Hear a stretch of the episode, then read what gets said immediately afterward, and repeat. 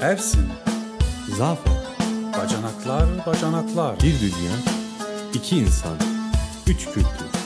Bacanaklar, Hey bacanaklar, hoy bacanaklar, hoy bacanaklar, hey bacanaklar. Bacanaklar, hoy bacanaklar, hoy bacanaklar, hey bacanaklar. Bu bir bacanak fabrikası. Sizlerle beraber olmaya hazırız. Bacanaklar, bacanaklar, Sabahtan akşama kadar, akşamdan sabahlar. Hey bacanaklar, hoy bacanaklar, hoy bacanaklar, hey bacanaklar. Bacanaklar, hoy bacanaklar, hoy bacanaklar. Ayıp böyle şeyler de olmaz ki yahu. Her cumartesi tüm plakçılarda.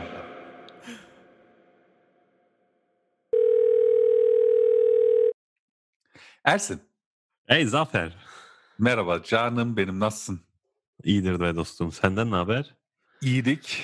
Vallahi zor bir yani benim için çok zor bir haftanın bittiği gün e, oturduk seninle muhabbet ediyoruz. O yüzden keyifliyim ama çok yorgunum. Senden ne var ne yok?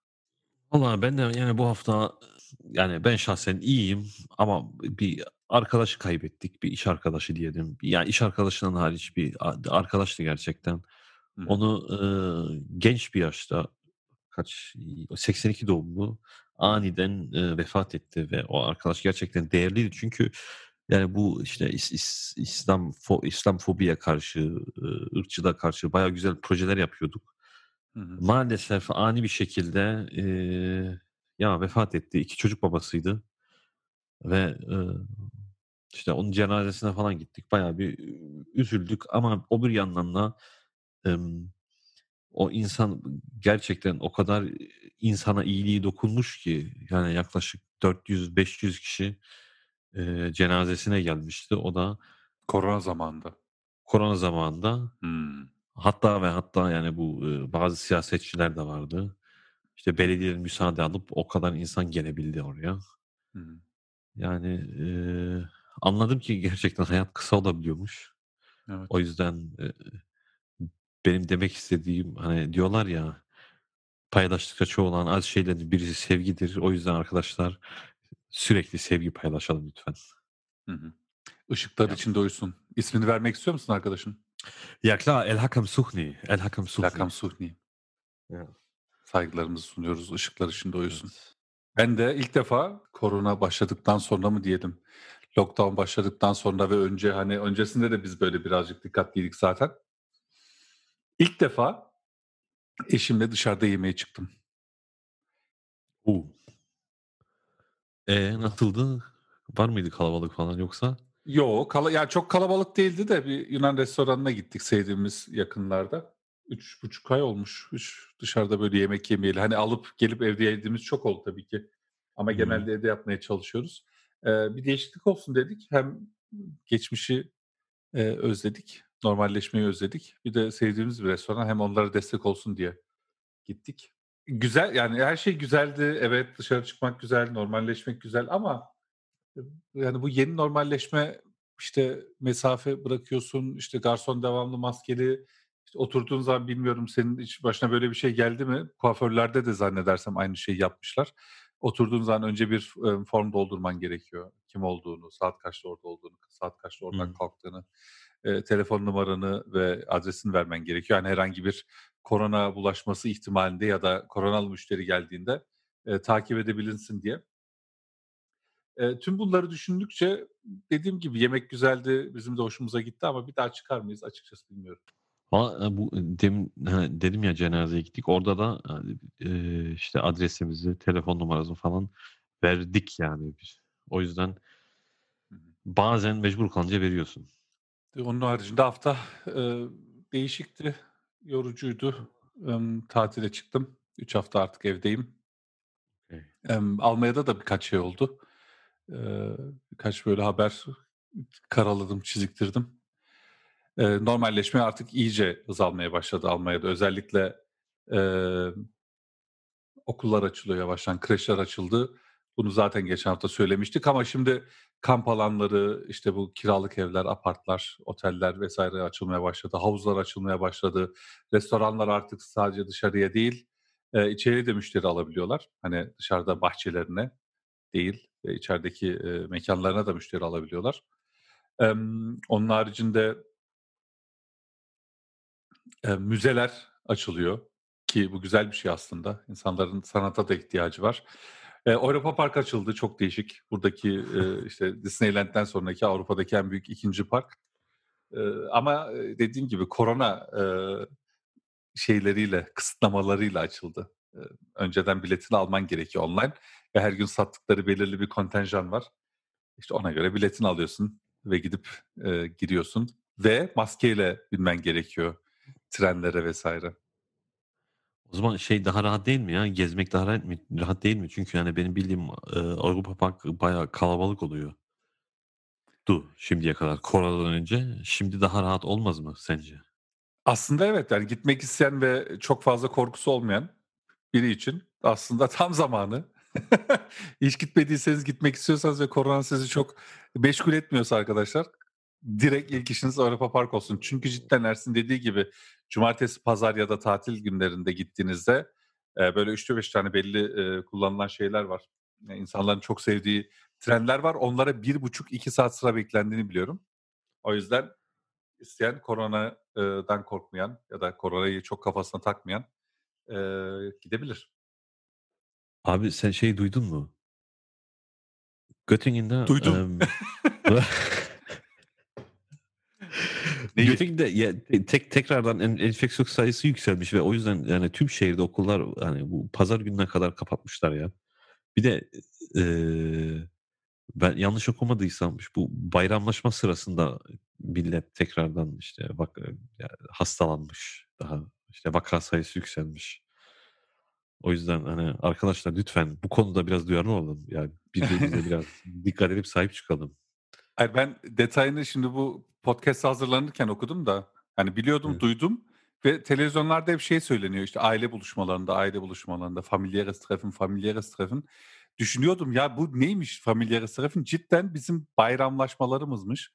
Eee, sağ olsun oradaki yaşayan, eee, Türk kökenli, ve büyük ihtimalle Türk kökenlidir, Müslüman kökenli ama Türk kökenli, eee, insanlar, eee, birazcık dikkatsiz davranmışlar. Abi, eee, ya biz de bayram geçirdik. Bizim bayramımız da tatsızdı tabii ki ama, eee, çok fazla bir yerlere gitmedik. Keşke siz de gitmeseydiniz. Koca bir şehir şu an kilitlenmiş sayenizde.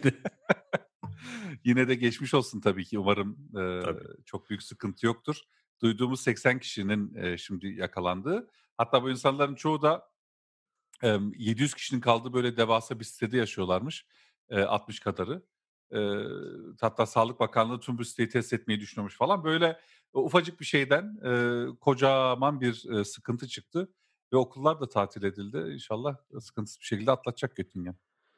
Ya bir de yani sadece bizler duyarlı değil, hani, bu siyasetçiler de duyarlı olması gerekiyormuş. Çünkü Gießen'de şeyi okudum ben, hani, Gießen'de, emm, bir hastanede tamamen kalabalık bir klinikte, yani, asansöre birkaç siyasetçi girmiş ve, eee, bunu, eee, Gießen Belediyesi duyduktan sonra 5 kişiye karşı idari suçla suçlar başlattı ve, eee, hani, dava ayrıca Hessen Eyaletin Başkan Başkanı'na Volker Bouffier ve Sosyal İşler, eee, Bakanı Kai Klose'ye, eee, karşı da yönetilmiş yani. Yani o yüzden, eee, tekrar diyorum, lütfen arkadaşlar, kim olursak olalım bu konuda biraz daha duyarlı olalım, dikkatli olalım. Futbolcu futbolcular falan artık bu insan, hani, futbolcular da, eee, berber getirmişler, kuaför götürmüşler kendilerine. İşte Ersin dediği gibi siyasetçiler, evet hepimiz daraldık, sıkıldık, çok bunaldık. Eee, kimimiz daha çok tep temkinliyiz, kimimiz daha az temkinliyiz vs. ama, emm, kurallara saygı gösterirsek zannedersem daha rahat bir şekilde, daha çabuk bir şekilde bu sıkıntıdan kurtulacağız. Bir haber daha var koronayla alakalı. KDV, katma değer vergisi, yani Almanya'daki ismiyle Mehrwertsteuer %19'dan %16'ya düşürülmüş. Şükür, eee, 6 aylığına. Bu büyük, alışveriş merkezleri şirketler, işte Lidl'lar, Aldi'ler vs. onların bir, toplandığı bir oda varmış. Oş o odadan da, verilen bilgiye göre bu %3'lük, emm indirimi tüketiciye yansıtacaklarmış. Yani fiyatlar aynı kalmayacak, fiyatlar da %3 düşecek. Sonuçta bu sadece e, çalışanları ve şirketleri korumak adına değil, tüketiciyi korumak adına yapılan bir hamle. Tebrik ediyoruz Almanya'yı. Hı. Hı. Teletext 40 yaşına girdi ya.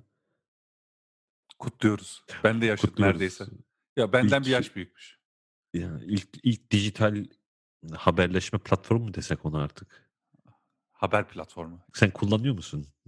Yok abi bitti. Yok belki 5 sene oldu, 10 sene oldu, 15 sene oldu hatırlamıyorum da bu internetler e, elimize, el, cep telefonumuza girdikten sonra hiç açıp bakmadım. En fazla maç sonuçlarına bakmışımdır. O da belki 10 sene olmuştur. Ama beraber tanıdığımız bir insan var, kullanan bir insan var. Hmm, Onu sonra açıklarım sana. Tamamdır. Ee, yine böyle az bir şey koronadan devam edelim. Ee, tatil olaylarıyla alakalı işte herkes yani hafiften böyle kanımız kaynamaya başladı. Herkes tatil düşünüyor. Almanya 15 Haziran'dan itibaren 31 ülkeye seyahat uyarısını kaldırıyor. Bu demek oluyor ki 31 ülkeye seyahat edilebilir. Tabii ki ülkelerin de Almanya'dan gelen turistleri, insanları kabul etmesi gerekiyor. Mesela İtalya, İspanya için hala aynı şeyler geçerli değil ama zannedersem yakın komşu ülkelere bu bu şekilde e, mümkün olacak. Türkiye dahil değil bu 31 ülkeye. 31 ülkenin çoğu ya da hepsi zannedersem Avrupa Birliği ülkeleri. Türkiye'de daha doğrusu Türk Hava Yolları 4 Haziran'dan dünden itibaren e, yavaştan iç hatları seferlerini açmaya başladı. Ve şunu söylediler Haziran ortasından itibaren de Avrupa'dan e, direkt Türkiye'deki şehirlere seferler başlayacakmış. Yalnız bu dediğim gibi Türkiye ile Avrupa Birliği daha doğrusu Türkiye ile Almanya arasında bir böyle anlaşma olması gerekiyor. E, çünkü Almanya Türkiye sınırlarını aşmadı ya da aşmayacağını ya da açacağını şu an için söylemedi. Hmm. Yunanistan'dan yeni haber var mı? Var. Yunanistan'dan da e, geçen hafta söylemiştik. Yunanistan da sağ olsun e, bir tek Türkiye sınırlarını aşmadı. Geri kalan Avrupa'daki komşu olan tüm Balkan ülkelerine, Avrupa Birliği'ne dahil olsun olmasın Avusturya vesaire, Avustralya e, vesaire demiştik. E, Yunanistan hatta daha da e, bir adım ileriye gitti. Sınırlarını iyice kapatıyor. Meriç Nehri'ne e, 26 kilometrelik bir tel örgü çekiyorlarmış. Tabii ki e, amaçları Türkleri içeri almamak değil, e, nedenini biliyoruz. E, mültecileri kendi ülkesine salmamak. E, bu konuda da aslında haklı bir şey yapıyor. Her ne kadar insana birazcık ağır da gelse bir nehrin kenarında diken, e, dikenli tel yapılması. Hı hı. Son olarak da şeyi hatırlatmak istiyoruz. Bu bölüm cumartesi günü saat 12'de yayınlanacak. İlk dinleyenlere salığımız olsun. E, Bugün Almanya'nın her şehrinde yani her büyük şehrinde en azından Silent Demo isminde George Floyd'un anma toplantıları, George Floyd'u anma toplantıları e, olacak. Sessizce protesto edilecek.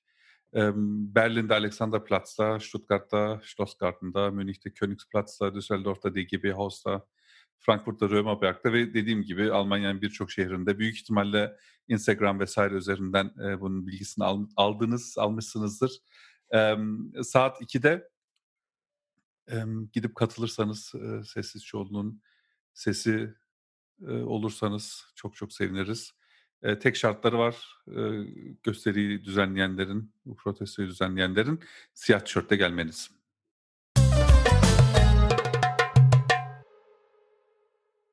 Geçen hafta başından beri e, söylediğimiz üzere arkadaşımız Ahmet bizlerle. E, Ahmet Edis'i uzun zamandır tanıyoruz. E, o da kendisini tanıtacak. Ama önce sen istiyorsan Ersin sen Ahmet'i bir sun. Ahmet Ediz, e, Köln Uyum Meclisi'nde eş başkan, Yeşiller Partisi parti üyesi, eski e, milletvekili Arif Ünal'ın yardımcısıydı. Uzun senelerdir tanışıyoruz ve aynı dernekte üyeydik. E, hatta e, beraber folklor ekibinde oynadık. Yani Çerkez Halk oyun- oyunları oynadık. Bir de Türk-Alman Platformu ikinci başkanı. E, Ahmet Usta eksik şeyler var mı acaba? Eksik bir şey yok. Ağzına sağlık. Ersin dostum. Tekrardan ben de hoş geldin diyeyim. Hoş geldin Ahmet. Ee, Hoş bulduk valla- Zafer. Hoş geldin aramıza. Ee, Ahmet bizim ilk misafirimiz. Ee, o da heyecanlı, biz de heyecanlıyız. Sürçülisan ne dersek şimdiden söyleyelim. Affola. Ee, dost meclisinde muhabbet ediyoruz. Öyle çok da hazırlanarak yaptığımız bir şey değil bunlar. Ee, kusurumuz olursa önden söyleyelim. Affola ama kusur da yapacağımızı zannetmiyoruz. Çünkü biz Çerkez gençleriyiz. Ağır mı oldu bu? Yok. Şaka şaka. Bunun sonu gelmez. Şimdiden söyledim sana. Bunun sonu gelmez. O, hiç ben o toplara girmeyeyim o zaman. Abi, ne, Bence hiç girmeyelim. Evet. Senin senin asıl asıl title'ın yani e, işte Köln Uyum Meclisi evet Yeşiller sen çok da hoşnut değilsin aslında bunların söylenmesinden. Ee, şeye kısalttın. e, Önceden görüştüğümüzde gençlik ve kültürel çalışma uzmanı olarak Hı. kısaltmamızı istedin. Ee, birincisi niye böyle istedin? İkincisi bu işi ne zamandır yapıyorsun? Zannedersem senin kendini tanımladığın işte bu olsa gerek. Yani ilk olarak e, sizden teşekkür etmek istiyorum. İlk e, konunuz olarak beni de onurlandırdınız arkadaşlar. E, umarım güzel bir program geçireceğiz birlikte.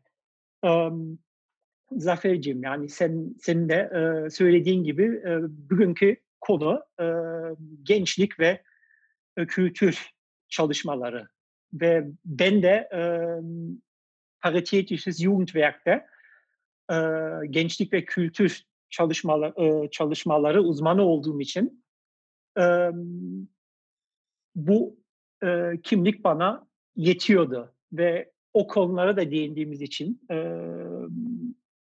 diğer konularda fazla girmeye e, gerek olmadığını düşünüyorum. Eyvallah hocam. E, alçak gönüllülüğün içinde e, tebrik ediyoruz. Buradan söyleyelim. Yani o kadar title'ın arkasında e, durmayıp da sadece bir tanesini öne çıkartman da bu senin büyüklüğünü gösteriyor. Peki bu Paritätisches Jugendwerk dediğin olayı bize biraz daha açar mısın? Hani ne tarz projelerde çalışıyorsunuz orada ya da ne tarz projelerde çalışmayı seviyorsun? Yani e, gençlik çalışmaları aslında çok geniş bir e, alan ama benim e, özellikle çok e, takdir ettiğim ve hoşuma giden e, çalışma alanları özellikle genç mültecilerle birlikte çalışmak e, artı göçmen asıllı gençlerle bir arada çalışıp e, proje üretmek. Yani bu konulara ben gerçekten çok önem veriyorum çünkü e, özellikle bu kastettiğim gençler genelde daha büyük e, zorluklarla karşı karşıya kalıyor. Mesela hangi zorluklarla karşılaşıyor diyorsun? Yani bildiğiniz gibi e, genelde mültecileri ya da bizim e, gençleri şöyle göz önüne aldığımız takdirde aklımıza uyum, entegrasyon ve daha böyle negatif konular aklımıza geliyor. Halbuki e, bu gençler de bu e, ülkenin bir parçası ve çok değerli bir parçası ve hepimiz bu ülkenin bir parçasıyız. Ve o gençlere de tabii ki e, o hisleri de vermemiz e, zorundayız. E, ve aynı zamanda e, ırkçılık, İslamofobya, özellikle mültecilere yönelik ön yargılar e, çok yaygın olduğu için e, bu konularda biraz daha hassas olduğumu düşünüyorum. Yani bu şey ne? Peki büyük resimde bu projelerin amacı ne? Hani neden e, bu konularda çalışmayı seviyorsun ve neden bu konular yapılmalı? Tabii ki dediğin gibi hem entegrasyon e, sorunu var hem e, öbür taraftan artan bir ırkçılık var ki sonradan da değineceğiz zaten bu tarz konulara. E, şeyi ne? Altında yatan e, ham madde ne? Ana fikir ne? Yani bazı kesimler e, bunu kabul etmese bile Federal Almanya çok kültürlü, çok renkli ve çok dinli bir ülkedir. Yani bu bir gerçek. Dolayısıyla sayılara da bakarsak, o sayılar da bu gerçeği yansıtıyor. Almanya'da e, aşağı yukarı 80 milyon insan yaşıyor ve bu 80 milyonun dörtte biri göçmen asıllı. Birincisi bu. İkincisi e, gençlerin oranına baktığımız takdirde üçte biri göçmen asıllı. Bu göçmen asıllı gençlerin içine mülteci gençler de katılıyor. Ve bazı kentlere bakarsak Köln, Berlin, Frankfurt, Stuttgart gibi büyük semtlere, kentlere baktığımız takdirde bu oranlar daha daha yüksek oluyor. Yani yüzde 50, yüzde 60'lara kadar ulaşıyor. Ve bu sayılar bize aslında çok net bir şekilde şunu ifade ediyor. Biz zaten e, bu toplumun bir parçasıyız ve sayı olarak da vazgeçilmez parçası haline geldik. Yani yüzde elli neredeyse bu gençlerin payı. Dolayısıyla e, bunları tabii ki göz önünde bulundurmamız lazım. Hı. Ve bu e, bir zenginliktir. Bu, bu değerleri de aktarmamız gerekiyor. Hem e, tüm topluma bunu aktarmamız gerekiyor. Çünkü e, bu çok renkli topluma e, yönelik birçoğu ön yargılar da var. Hı. Ve diğer taraftan da bizim gençlere yani göçmen asıllı gençlere de bu e, değerleri aktarmamız gerekiyor. Çünkü bu gençler bizim geleceğimiz. Ve bu Hı. gençler yarın öbürsü gün bu e, toplumu yönetecek, bu devleti de yönetecekler. E, fakat bu gençler sürekli ırkçılığa maruz kalırlarsa, dışlanırlarsa ya da sürekli ötekileştirme söz konusu olursa bu toplumdan e, soğumaya başlarlar ve uzaklaşmaya başlarlar. Ve böylese bir konuda hepimiz kaybetmiş oluruz. Yani hem toplum olarak büyük bir kayıp yaşarız hem de e, bu toplumun bir arada olması konusunda büyük bir e, kaygı yaşarız diye düşünüyorum. Dolayısıyla e, bu gençlik çalışmaları da o perspektiften de bakılması gerekiyor. Çünkü genç yaşta e, gençler gençlere ulaşmak çok önemli ve onlara e, bu değerleri de aktarmamız çok önemli. Peki bu e, değerler tam olarak ne değerler olabiliyor? Misal, gençler e, aslında bizi ilgilendiren tüm konularla ilgilenebilirler. Ve bunlar küçük, bunların aklı ermiyor ya da e, gençler öyle işlerle uğraşmaz dememiz de çok büyük bir hata olur.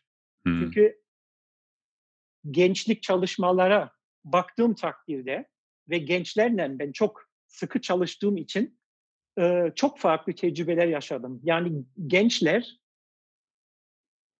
bazı konularda yetişkinlerden bile daha hassas davranıyorlar. Yani bu siyasi konularda olsun, doğa ve çevre konularında olsun. Bir takım ve bir sürü örnek verebilirim. Gençler aslında istekli, yalnız biz de desteklememiz de gerekiyor ve gençlerin önlerini açmamız gerekiyor. Yani o gençlere o özgüveni de vermemiz gerekiyor. Bu değer Bunları konusunda evet. değer konusunda de, e, değinmiştin. Yani gençlerin e, savunduğu değerler var ve bu değerler çok farklı olabiliyor ki hele ki bizim gibi e, bir, iki, üç kültürden gelen gençlerin değerleri tabii ki bu üçünün de karmaşası ya da üçünün de öz kümesi e, oluyor. E, o konuya birazdan değineceğiz de şeyi demek istedim ben. Mesela bizim podcast'a başladığımızdan beri Ersin'le konuştuğumuz devamlı bir konu var. İşte biz Türk müyüz, Alman mıyız, Çerkez miyiz? Hani birazcık da e, kimlikle de alakalı ya bu değer olayı. Hani e, birazcık da bizim şeyimiz, reklamımız, parolamız gibi oldu böyle. Bir ülke, işte bir dünya, iki insan, üç kültür. E, biz kendimizi bazı bazı Alman, bazı bazı Türk, bazı bazı Çerkez olarak tanımlıyoruz. Sen kendini nasıl tanımlıyorsun Ahmet? Aslında ben bu soruları e, yani bıktım yani bu soruları duya duya. Çünkü e, yani bu sorunun arkasında aslında farklı şeyler yatıyor. Hı hı. İster istemez ötekileştiriyorsun. Çünkü o soruyu sana yöneten insan simana bakarak sen bu ülkeye ait olmadığını düşünerek sana bu soruyu soruyor. Sen kendini nasıl tanımlıyorsun? Sen kendini Alman olarak mı görüyorsun? Yoksa Türk olarak mı görüyorsun? Halbuki öyle bir durum da yok. Çünkü e, bizim tek bir kimliğimiz yok. Ve sizin e, bu podcastınızın da zaten amacı o. Yani e, iki insan, üç kimlik e, adı altında e, yaptığımız podcastın bu konu, yani e, konusu da bu. Ve her insan aslında bir, çok sayıda kimliği vardır. Yani sırf hangi ülkeden geldiğin sayılmıyor. Yani e, Türk olabilirsin, Çerkez olabilirsin, Alman olabilirsin ama aynı zamanda bir annesin, bir babasın, e, siyasetçisin. E, yani buna benzer bir sürü aslında kimliğin var. Her insan çok sayıda kimliği var. Dolayısıyla e, ben kendimi öyle kategorize etmeyi pek e, sevmiyorum e, ve kendimi şey yani çok e, kimlikli birisi olarak algılıyorum. Yani kendimi hem Alman olarak görüyorum, hem Çerkez olarak görüyorum, hem Türk olarak görüyorum vesaire vesaire ve, ve her e, kimliğimden de artıları topluyorum. Hı hı. Yani zaten bu bizde de ya yani benim için de baya bir şey nasıl anlatsam hani Türkiye'ye gittiğim zaman kendimi gerçekten biraz Alman olarak hissediyor, hissediyorum. Burada bazen işte Almanların hani Alman kökenli insanların arasında olduğu zaman ben kendimi işte daha çok Türk olarak hissediyorum. Bir, Çerkezlik de zaten içimizden zaten hiç, hiç çıkmayan bir bir karakterimiz. E, bir de yani nasıl desem hani Alman Türk toplumu zaten bu bu konularda kültürel konularda bayağı işler yapıyor. Ee, ama sence hani biz Alman Türk toplumu olarak hangi konularda daha duyarlı olmamız gerekiyor? Yani e, soruya şöyle e, karşılık verebilirim. Bildiğiniz gibi eğitim evde başlıyor. Yani özellikle e, çocuklarımıza yönelik eğitim evde başlıyor ve velilere de çok büyük e, bir rol ve e, sorumluluk düşüyor. Yani demek istediğim şu, e, sırf çocuğunu okula, okula götürmekle bu iş olmuyor. Yani çocuklarımıza sahip çıkmamız gerekiyor, çocuklarla ilgilenmemiz gerekiyor, e, okuldaki sıkıntılarla e, ilgilenmemiz gerekiyor. Yani çocuklarımıza sahip çek, e, çıkmamız gerekiyor. Birin, birincisi bu. E, ve bana pozitif ve negatif e, tarafları sordunuz. Yani bence bizim toplumun pozitif yanı e, eğitime öne, önem vermemiz. O pozitif bir şey kiminle konuşursanız konuşun. O konuda tüm veliler hem fikir. Bizim çocuğumuz iyi eğitim alsın, üniversiteye gitsin, iş sahibi olsun ve geçin geçinmesini sağlasın. Yani bu aslında çok pozitif bir olay. Ee, ve diğer taraftan da e, Türk-Alman toplumu olarak da e, aslında çok sayıda e, örgütlerin de kurulması söz konusudur. Yani biz örgütlenmeyi de aslında iyi başarıyoruz ve beceriyoruz. Ve çok sayıda e, örgütler de kuruldu ve o örgütlerde tabii ki e, değişik değişik bölümlerde angaje oluyorlar. E, yani cami olarak, dernek olarak, yani kültür dernekleri olarak vesaire çok sayıda çalışmalara imza atıyorlar gelelim e, madalyonun diğer tarafına. Ve benim e, izleninim şu. Birincisi e, bazı konularda pasif kalmamız ve kendimizi yeterince e, geliştirmememiz bazı konularda. Yani bu e, veli olarak geçerlidir, bu dernek çalışmalarımıza bakarak geçerlidir. Ee, ve dernek çalışmalarımıza baktığım takdirde tabii ki bir sürü derneğimiz var ve e, sağ olsunlar e, herkes e, elinden geldiği kadarıyla çalışıyor. Kimisi çok profesyonelce çalışıyor. Kimisi e, öyle fazla önem vermiyor profesyonel çalışmalara. Yalnız bizim derneklerin ve bizim toplumun aslında şöyle bir zaafı var. Onda şöyle bir örnekle e, size e, yansıtmak istiyorum. Yani bilirsiniz misal e, sizin evde bir sıkıntınız var. Diyelim ki e, su borusu patladı. Ne yaparsınız?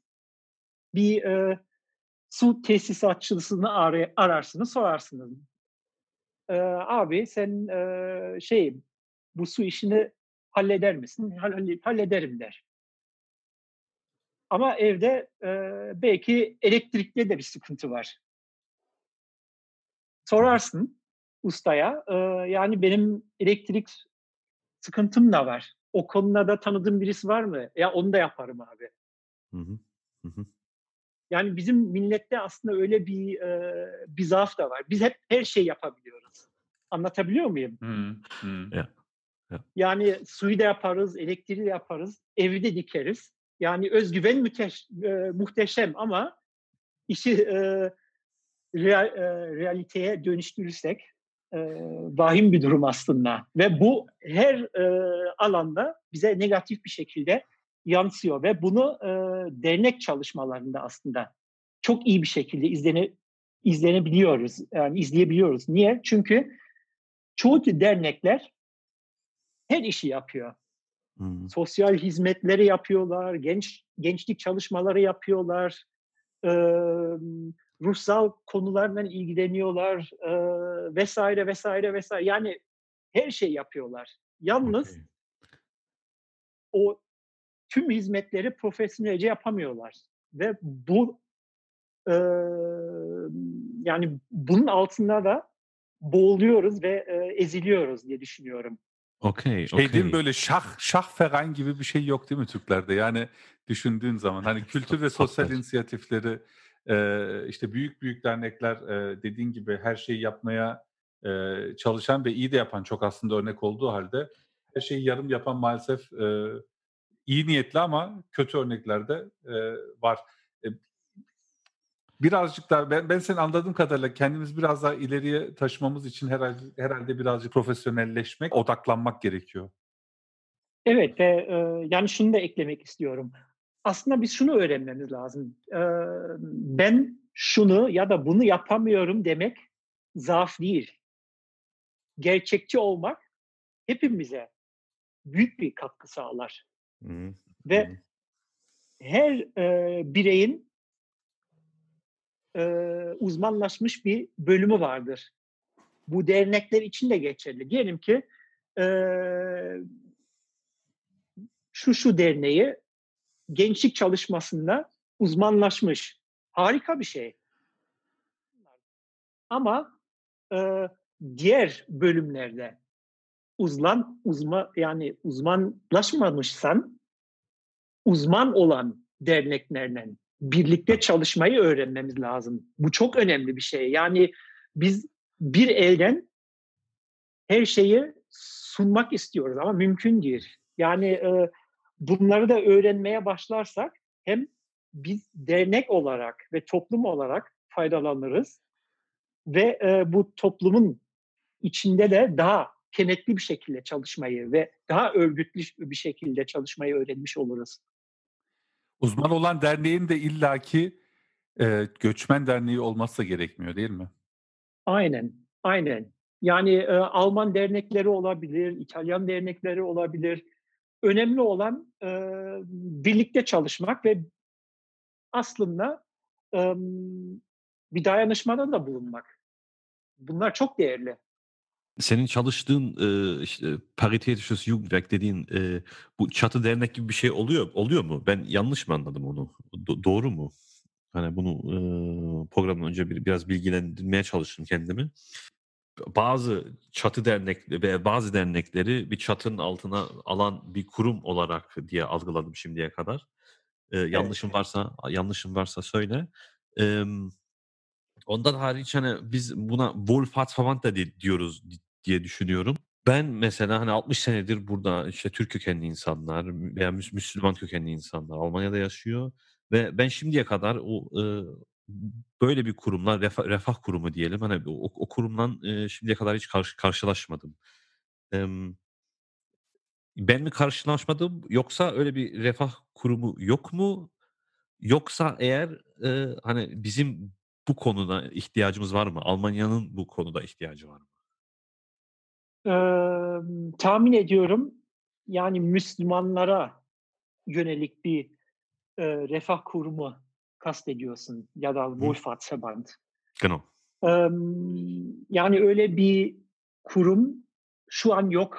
Ne yazık ki yok. Eee, hâlbuki eee, muazzam bir ihtiyaç var. Yani onun altında çizebilirim. Bunun değişik nedenleri var. Ama o konulara girmeden önce emm bu devletin yapılanmasına değinmem gerekiyor. Bunlar çünkü çok önemli. Şimdi bildiğiniz gibi emm, Federal Almanya eee, seküler bir devlet, seküler bir yapılanma ve bu seküler eee, anlayışın arkasında emm, çok önemli bir nokta var.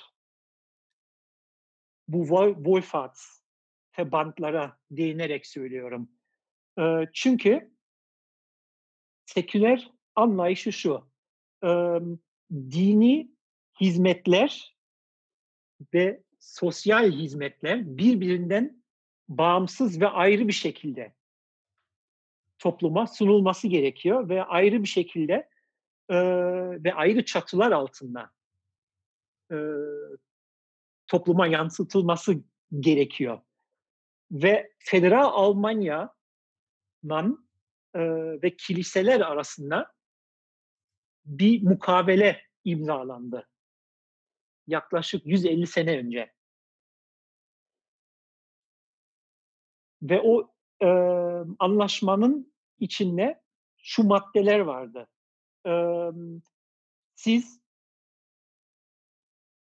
kilise olarak dini ihtiyaçları kilise yapılanması altında sunmak sunabilirsiniz ama sosyal hizmetleri başka bir yapılanmada yapmanız gerekiyor. Çünkü, eee, bu yasalara, eee, aykırı olur ve bir çelişki olur. Ondan dolayı Caritas, Diakoni ve buna benzer Wohlfahrtsverbandlar ortaya çıktı. Hı hı. Ama Caritas misal, eee, Katolik bir anlayışla çalışan bir Wohlfahrtsverband, Katolik kiliseden bağımsız bir şekilde çalışıyor. Yani Katolik kilise Caritas'ın işlerine karışamaz. Ve Caritas da Katolik kilisenin işlerine karışamaz. Yani, eee, durum böyle. Şimdi bizim, eee, Müslüman, eee, örgütlere bakarsak çelişki buradan başlıyor. Birincisi, emm, bizim çatı dernekle, yani bizim, eee, büyük dini cemaatler, eee, dini cemaat olarak tanınmadı. Birincisi o. O 1. engel. 2'ncisi o, eee, engelleri aşmak için bizim dini cemaatler dini hizmetlerini ve sosyal hizmetlerini birbirinden ayırmaları gerekiyor. Yalnız bizim, eee, dini cemaatler ve camiler çok farklı bir şekilde çalışıyor. Çünkü tüm hizmetler aynı çatı altında. Yani siz de biliyorsunuz, gidiyorsunuz camiye, orada ibadetinizi de ediyorsunuz, Kur'an dersleri görüyorsunuz. Hı. Ama aynı zamanda camide, eee, sosyal hizmetler de, eee, sunuluyor. Gençlik çalışmaları sunuluyor. Emm, yaşlılarla birlikte çalışmalar yapılıyor. Kadınlarla birlikte çalışmalar yapılıyor vs. vs. vs. İşte çelişki burada. Ahmet az önce, emm, değerler konusuna değinmiştik. Eee, hani bir toplum 2 insan, 3 kültür, eee, ve bizim gibi, senin gibi, eee, milyonlarca genç var Almanya'da. Her birinin farklı değerleri var. Her birinin farklı değer yargısı var. E buna göre hayatını yaşıyor ya da buna göre sosyal hayatını idame ettiriyor. E, sen gençlik çalışmalarında e, bunu nasıl gözlemledin? Gençlerin istekleri, gençlerin değerleri ne? Yani şimdi gençlik çalışmalarına e, bakarsak, yani Jugendarbeit olarak e, algıladığımız bu çalışma bölümüne bakarsak, e, çok sayıda ve çok e, önemli değerler aslında gençlere e, veriliyor. E, yani gençlik çalışması dediğiniz takdirde bu sırf bir araya gelip oyun oynamak anlamına gelmiyor. Yalnız çocukların bir araya gelmesi ve oyun oynaması da önemli. Yani bunları da göz ardı etmemiz lazım. Yani e, çocukların yaşıtlarla bir araya gelmesi, değişik değişik çocuklarla bir araya gelmesi onların sosyalizasyonu için çok çok önemli. Yani okuldan ziyade. Ee, ve o gençlik çalışmalarında bir e, hayli ve ço çoğu sayıda e, konular da işleniyor.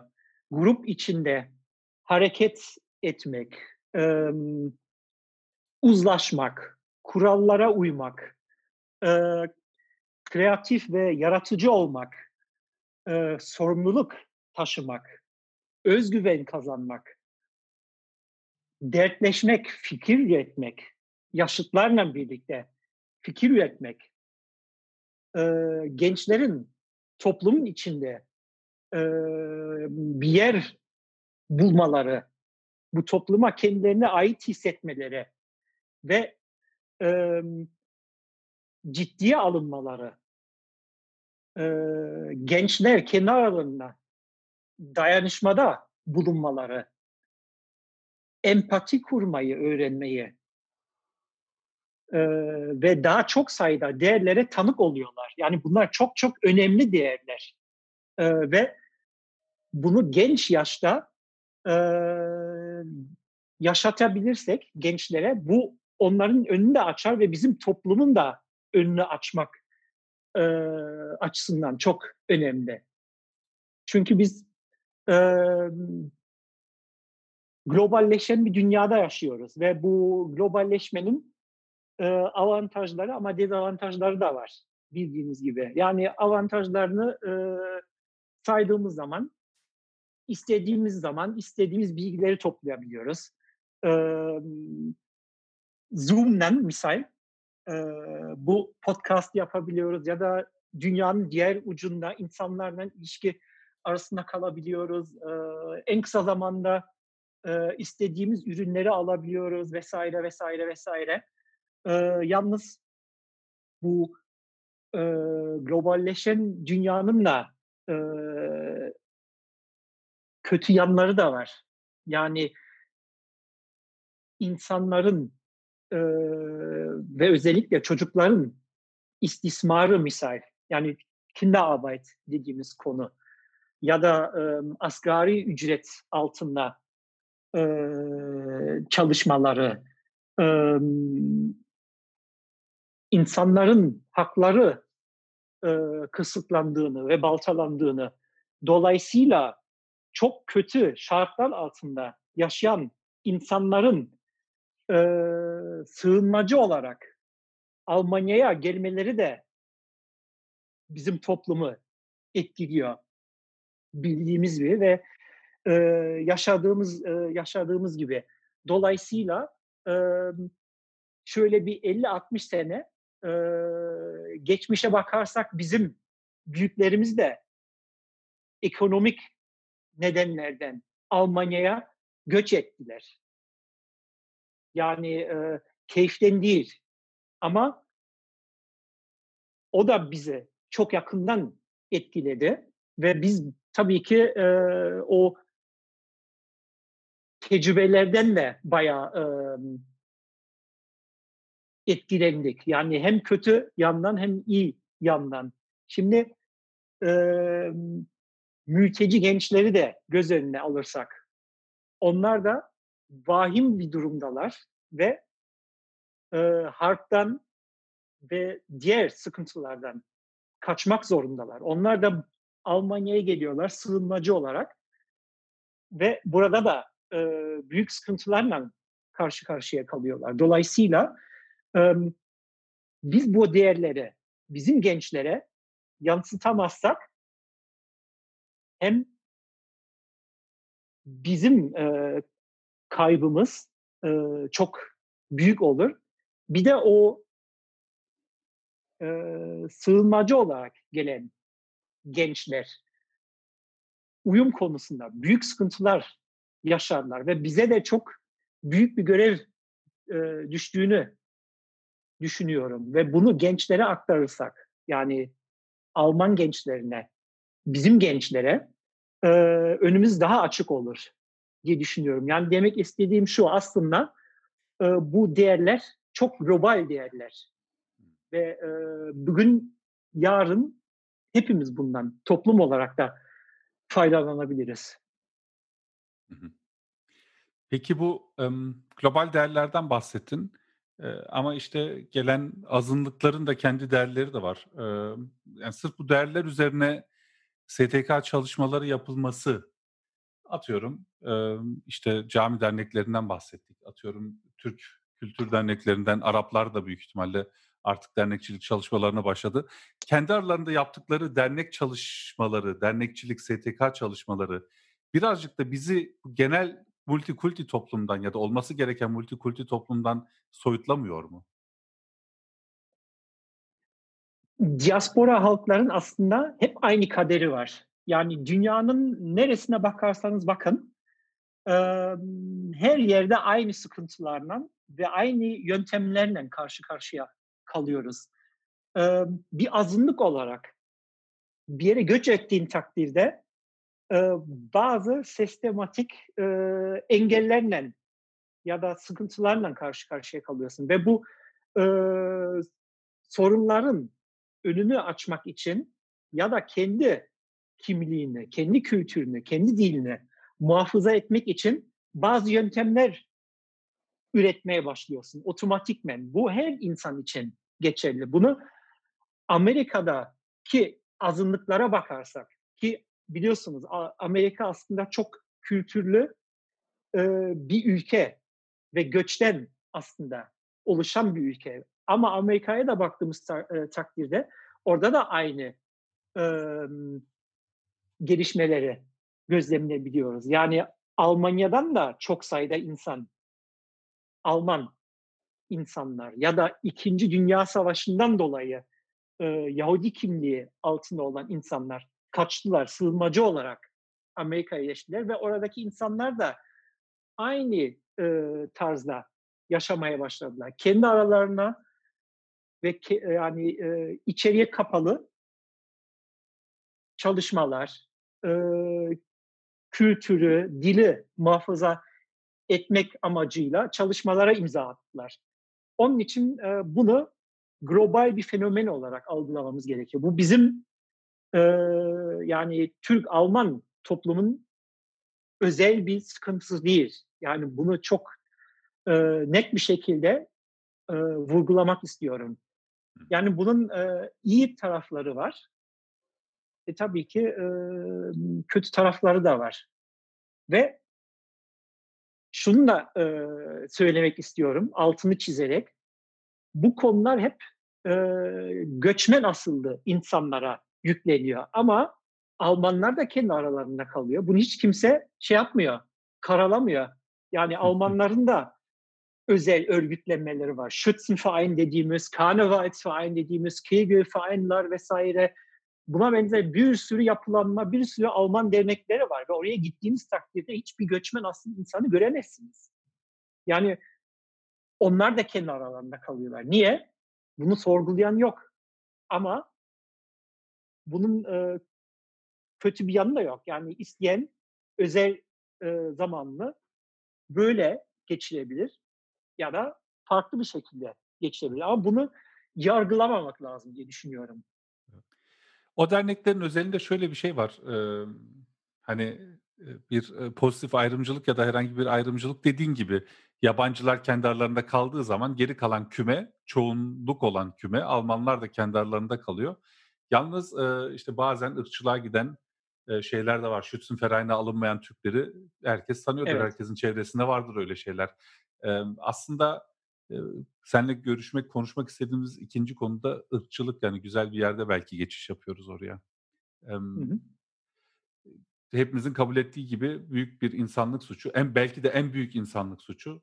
İşte geçtiğimiz hafta Solingen'in 27. yıl dönümüydü. Ersin'in orada bir etkisi var. Senin de daha önceden aldığın rol varmış. Ben onu Ersin üzerinden öğrendim. Ee, işte Hanau saldırıları üzerinden sadece birkaç ay geçti. Çok uzak gibi geliyor insana. Bilmiyorum siz nasıl hissediyorsunuz ama 2020 yılında gerçekleşti.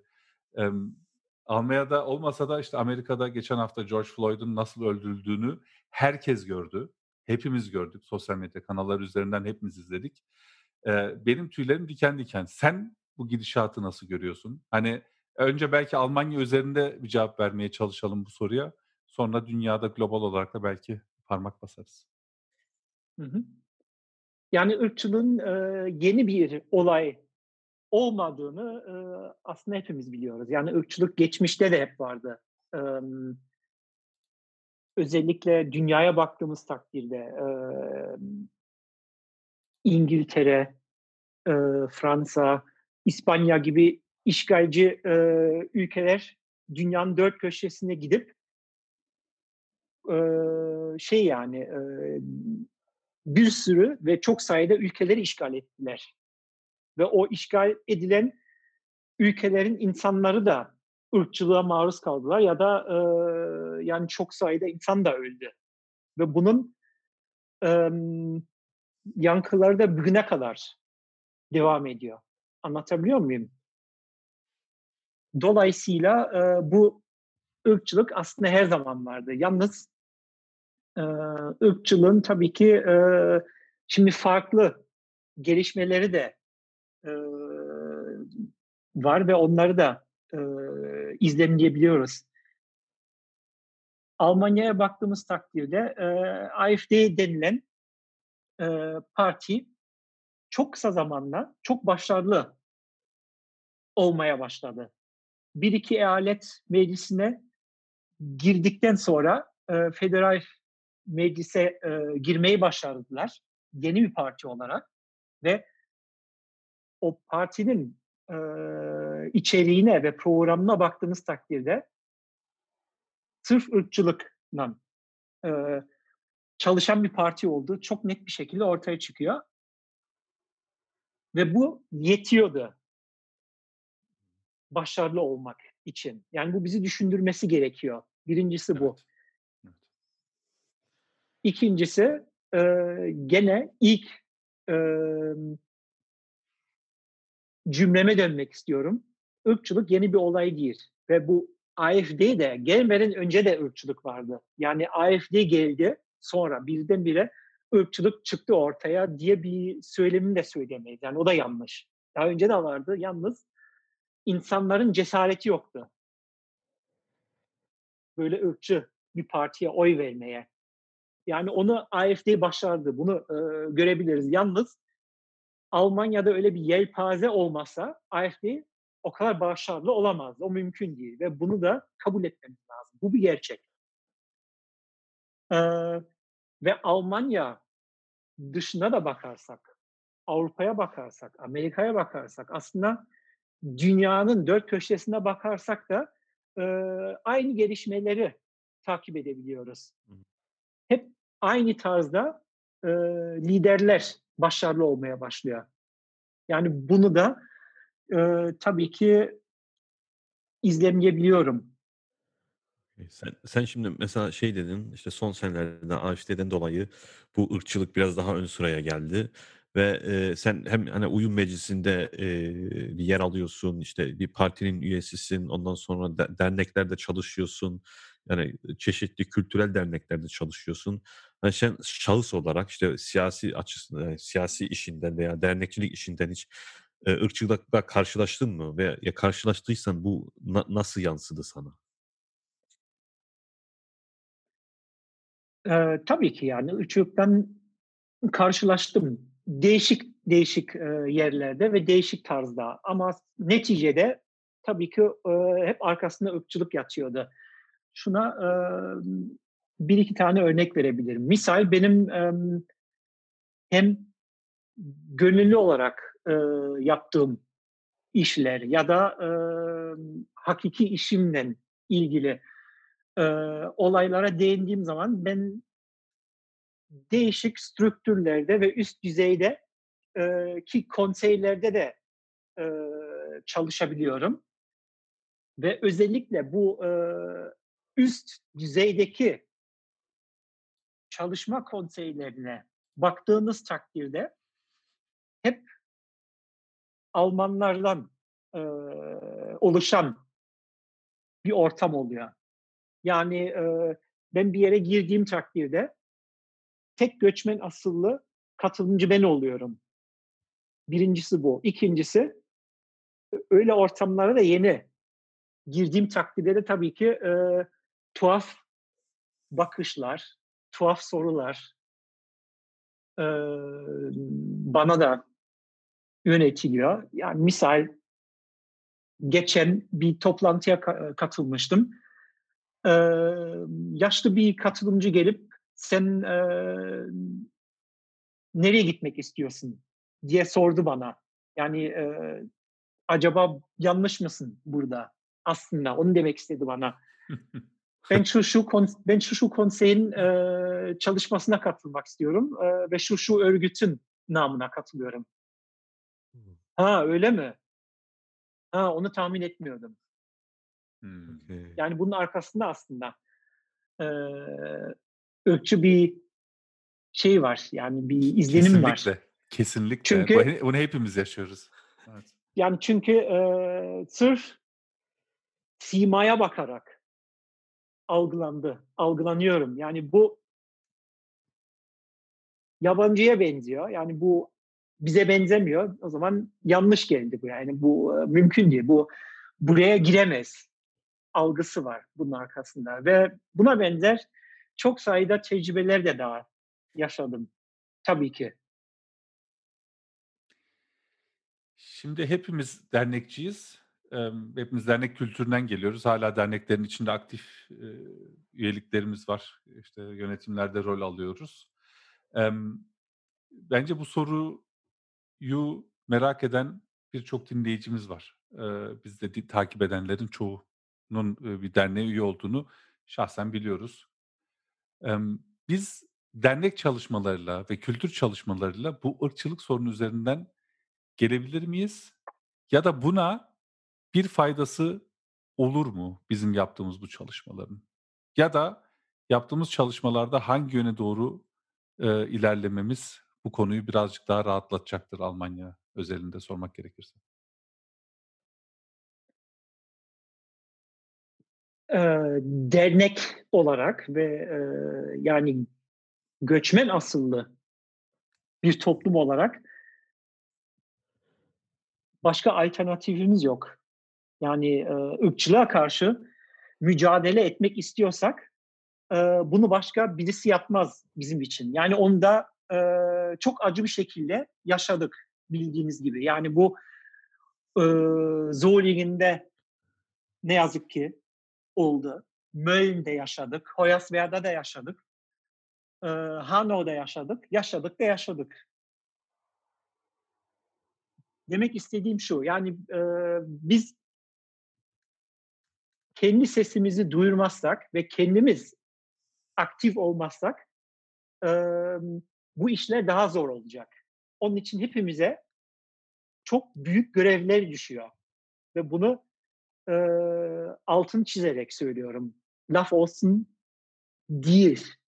Yani laf olsun diye de söylemiyorum. Gerçekten bunlar çok çok önemli ve bu çalışmalara da imza atarsak e, faydalı faydalı olur diye düşünüyorum. Çünkü biz her yönden böylesi sorunlarla karşı karşıya kalıyoruz. Günlük hayatımızda, iş hayatımızda, okulda çocuklarımız böyle sıkıntılarla karşılaşıyor.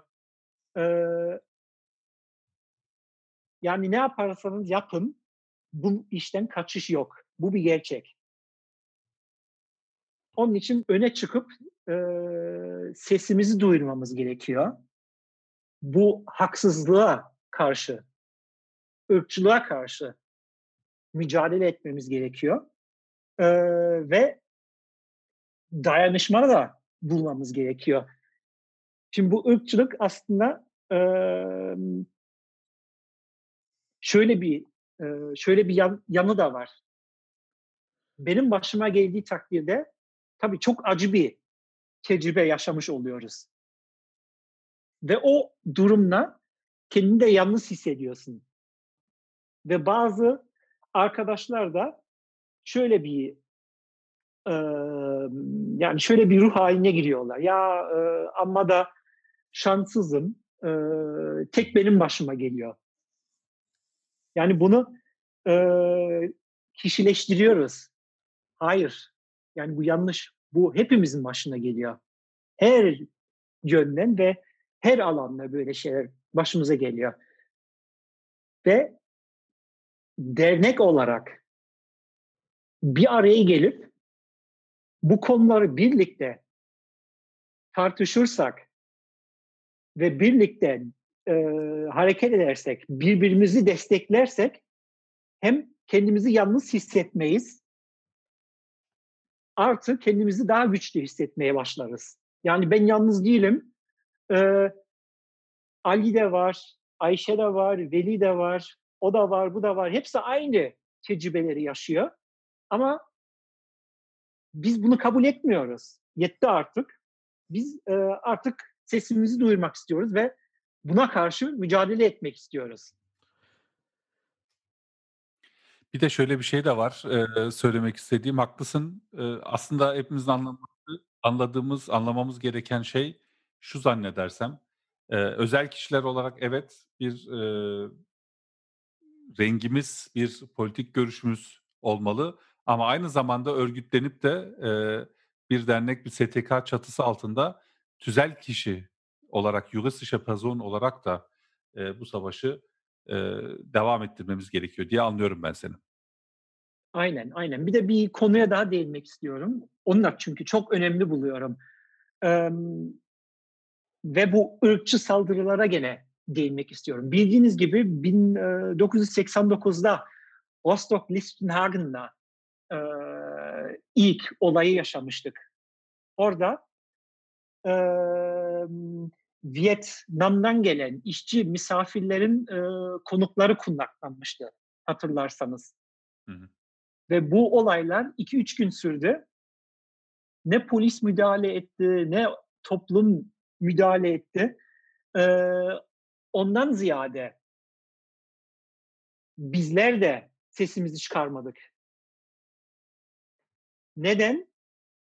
Çünkü o durumda ya bizim başımıza gelmedi. oldu. Fark etmez gibi bir algı vardı ortada. Yanlış. Çünkü bu şimdi e, tarihe bakarsak o olaydan sonra Zollingen'de biz yandık. Mölln'de biz yandık. Hoyerswerde'de biz yandık. Ee, ondan sonra bu NSU cinayetleri çıktı ortaya. Hanau'da gene biz yandık. Yani demek istediğim şu. Irkçılık öyle bir konu ki rotası bellidir. Oraya gider, buraya gider ama yarın öbürsü gün bizim başımıza patlar. Dolayısıyla e, kime yani ne olursa olsun kim ırkçılığa maruz kalırsa biz o insanların arkasında durmamız gerekiyor ve onlarla dayanışmada bulunmamız gerekiyor. Evet. Ki bizim başımıza gelirse e, aynı insanlar bizim de arkamızda dursun diye. Yani bunlar çok önemli.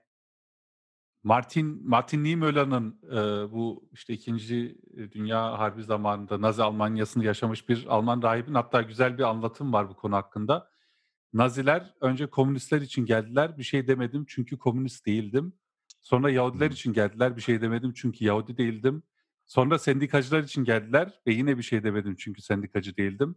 Sonra Katolikler için geldiler ve yine bir şey demedim çünkü ben Katolik değildim. Ve sonra benim için geldiklerinde ise çevremde benim için bir şeyler diyecek kimse kalmamıştı. Çok doğru.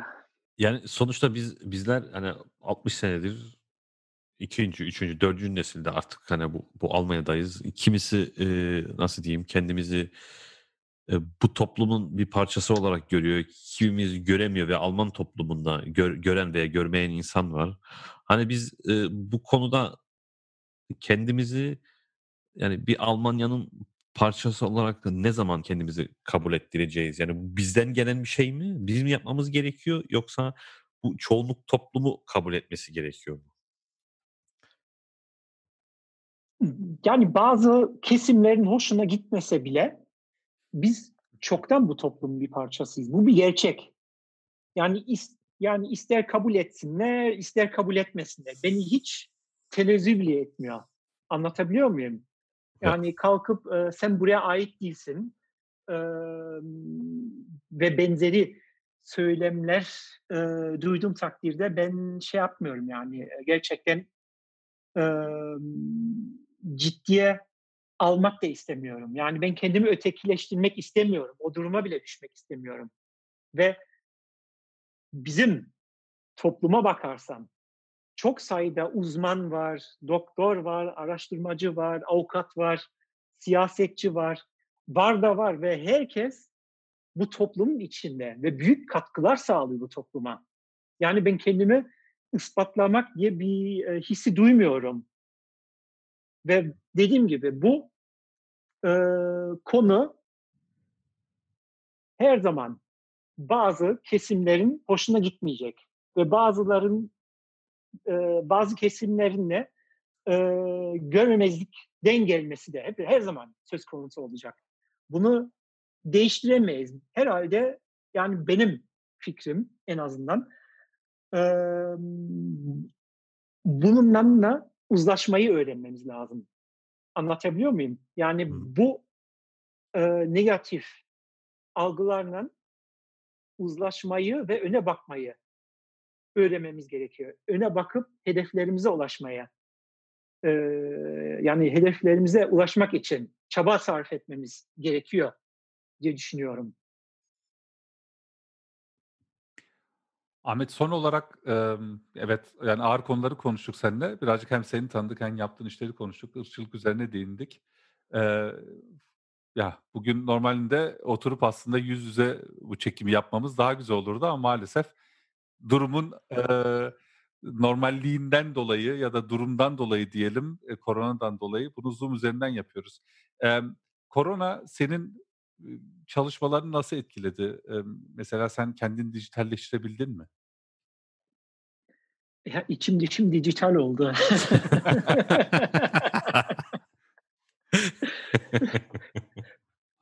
Yok gerçekten. Şimdi kendim için konuşabilirim. Evden çalışabildim ve her türlü imkanlar da sunuldu işverenlerden. Ee, Ama senin dediğin gibi Zafer, e, belli bir noktadan sonra sırf ekrandan, sırf bilgisayardan, sırf telefondan e, ilişki kurmak ya da e, çalışmaları sürdürmek pek iç açıcı değil. E, ve umarım en kısa zamanda biraz daha e, yani e, olumlu ve normal bir ortamda hem biz görüşmüş oluruz hem iş hayatımıza dönebiliriz. Valla bence de iyi olur ya bir oturup bir o- çay içelim beraber. Şu geçse yani de. artık artık bir çayla seni şey yapmam yani e, bırakmam. öyle öyle ucuz öyle ucuz kurtaramazsın yani E- kusura ekmek bakma. yemeye Zafer'e gideriz. Eyvallah, eyvallah. Ahmetciğim çok teşekkür ediyoruz. Ayağına sağlık, ağzına sağlık. Eee aklına takılan, eee, sormak istediğin bir şeyler var mı bize? Ya sizin de emeğinize, e, yüreğinize sağlık arkadaşlar. Gerçekten e, çok hoş bir programla. Umarım e, izleyicilere ve takipçilere de e, tasdik edebiliriz. Umarım onların da hoşlarına gider. E, yani umarım siz de umduğunuzu buldunuz. Her zaman. Biz sende her zaman umduğumuzu buluyoruz. O yüzden e, ondan yana zaten hiç şüphemiz yoktu. Kabul ettik. Teşekkür yarın ederim. öbür, yarın öbürsü gün onu gene şey yaparım ya. Senin hatırlatırım sana. Senin canın sağ olsun. Ee, istiyorsanız hep beraber kapatalım arkadaşlar programı. Bundan sonra ara ara böyle yakın dostlarımızı, arkadaşlarımızı, konuyla alakalı olan insanları programımıza katacağız. Beraber bir şeyler yapıyoruz. İnşallah da bunun devamını yine sizlerin de desteğiyle, sizlerin yardımıyla getiririz. Bizleri her zamanki platformlardan, daha önce de bahsettik bundan sık sık, özellikle Instagram üzerinden iletişime geçmeyi seviyoruz. Fikirlerinizi beyan edebilirsiniz, yorumlar yazabilirsiniz ya da konular hakkında düşünceleriniz varsa e, bunları da bizlerle paylaşabilirsiniz. Valla ben de çok teşekkür ediyorum. Yani bize bir like bırakmayı unutmayın. Bizi takip edin diyorum sürekli. O yüzden bizden vazgeçmeyin arkadaşlar. Hoşçakalın. Hoşçakalın. Hoşça kalın.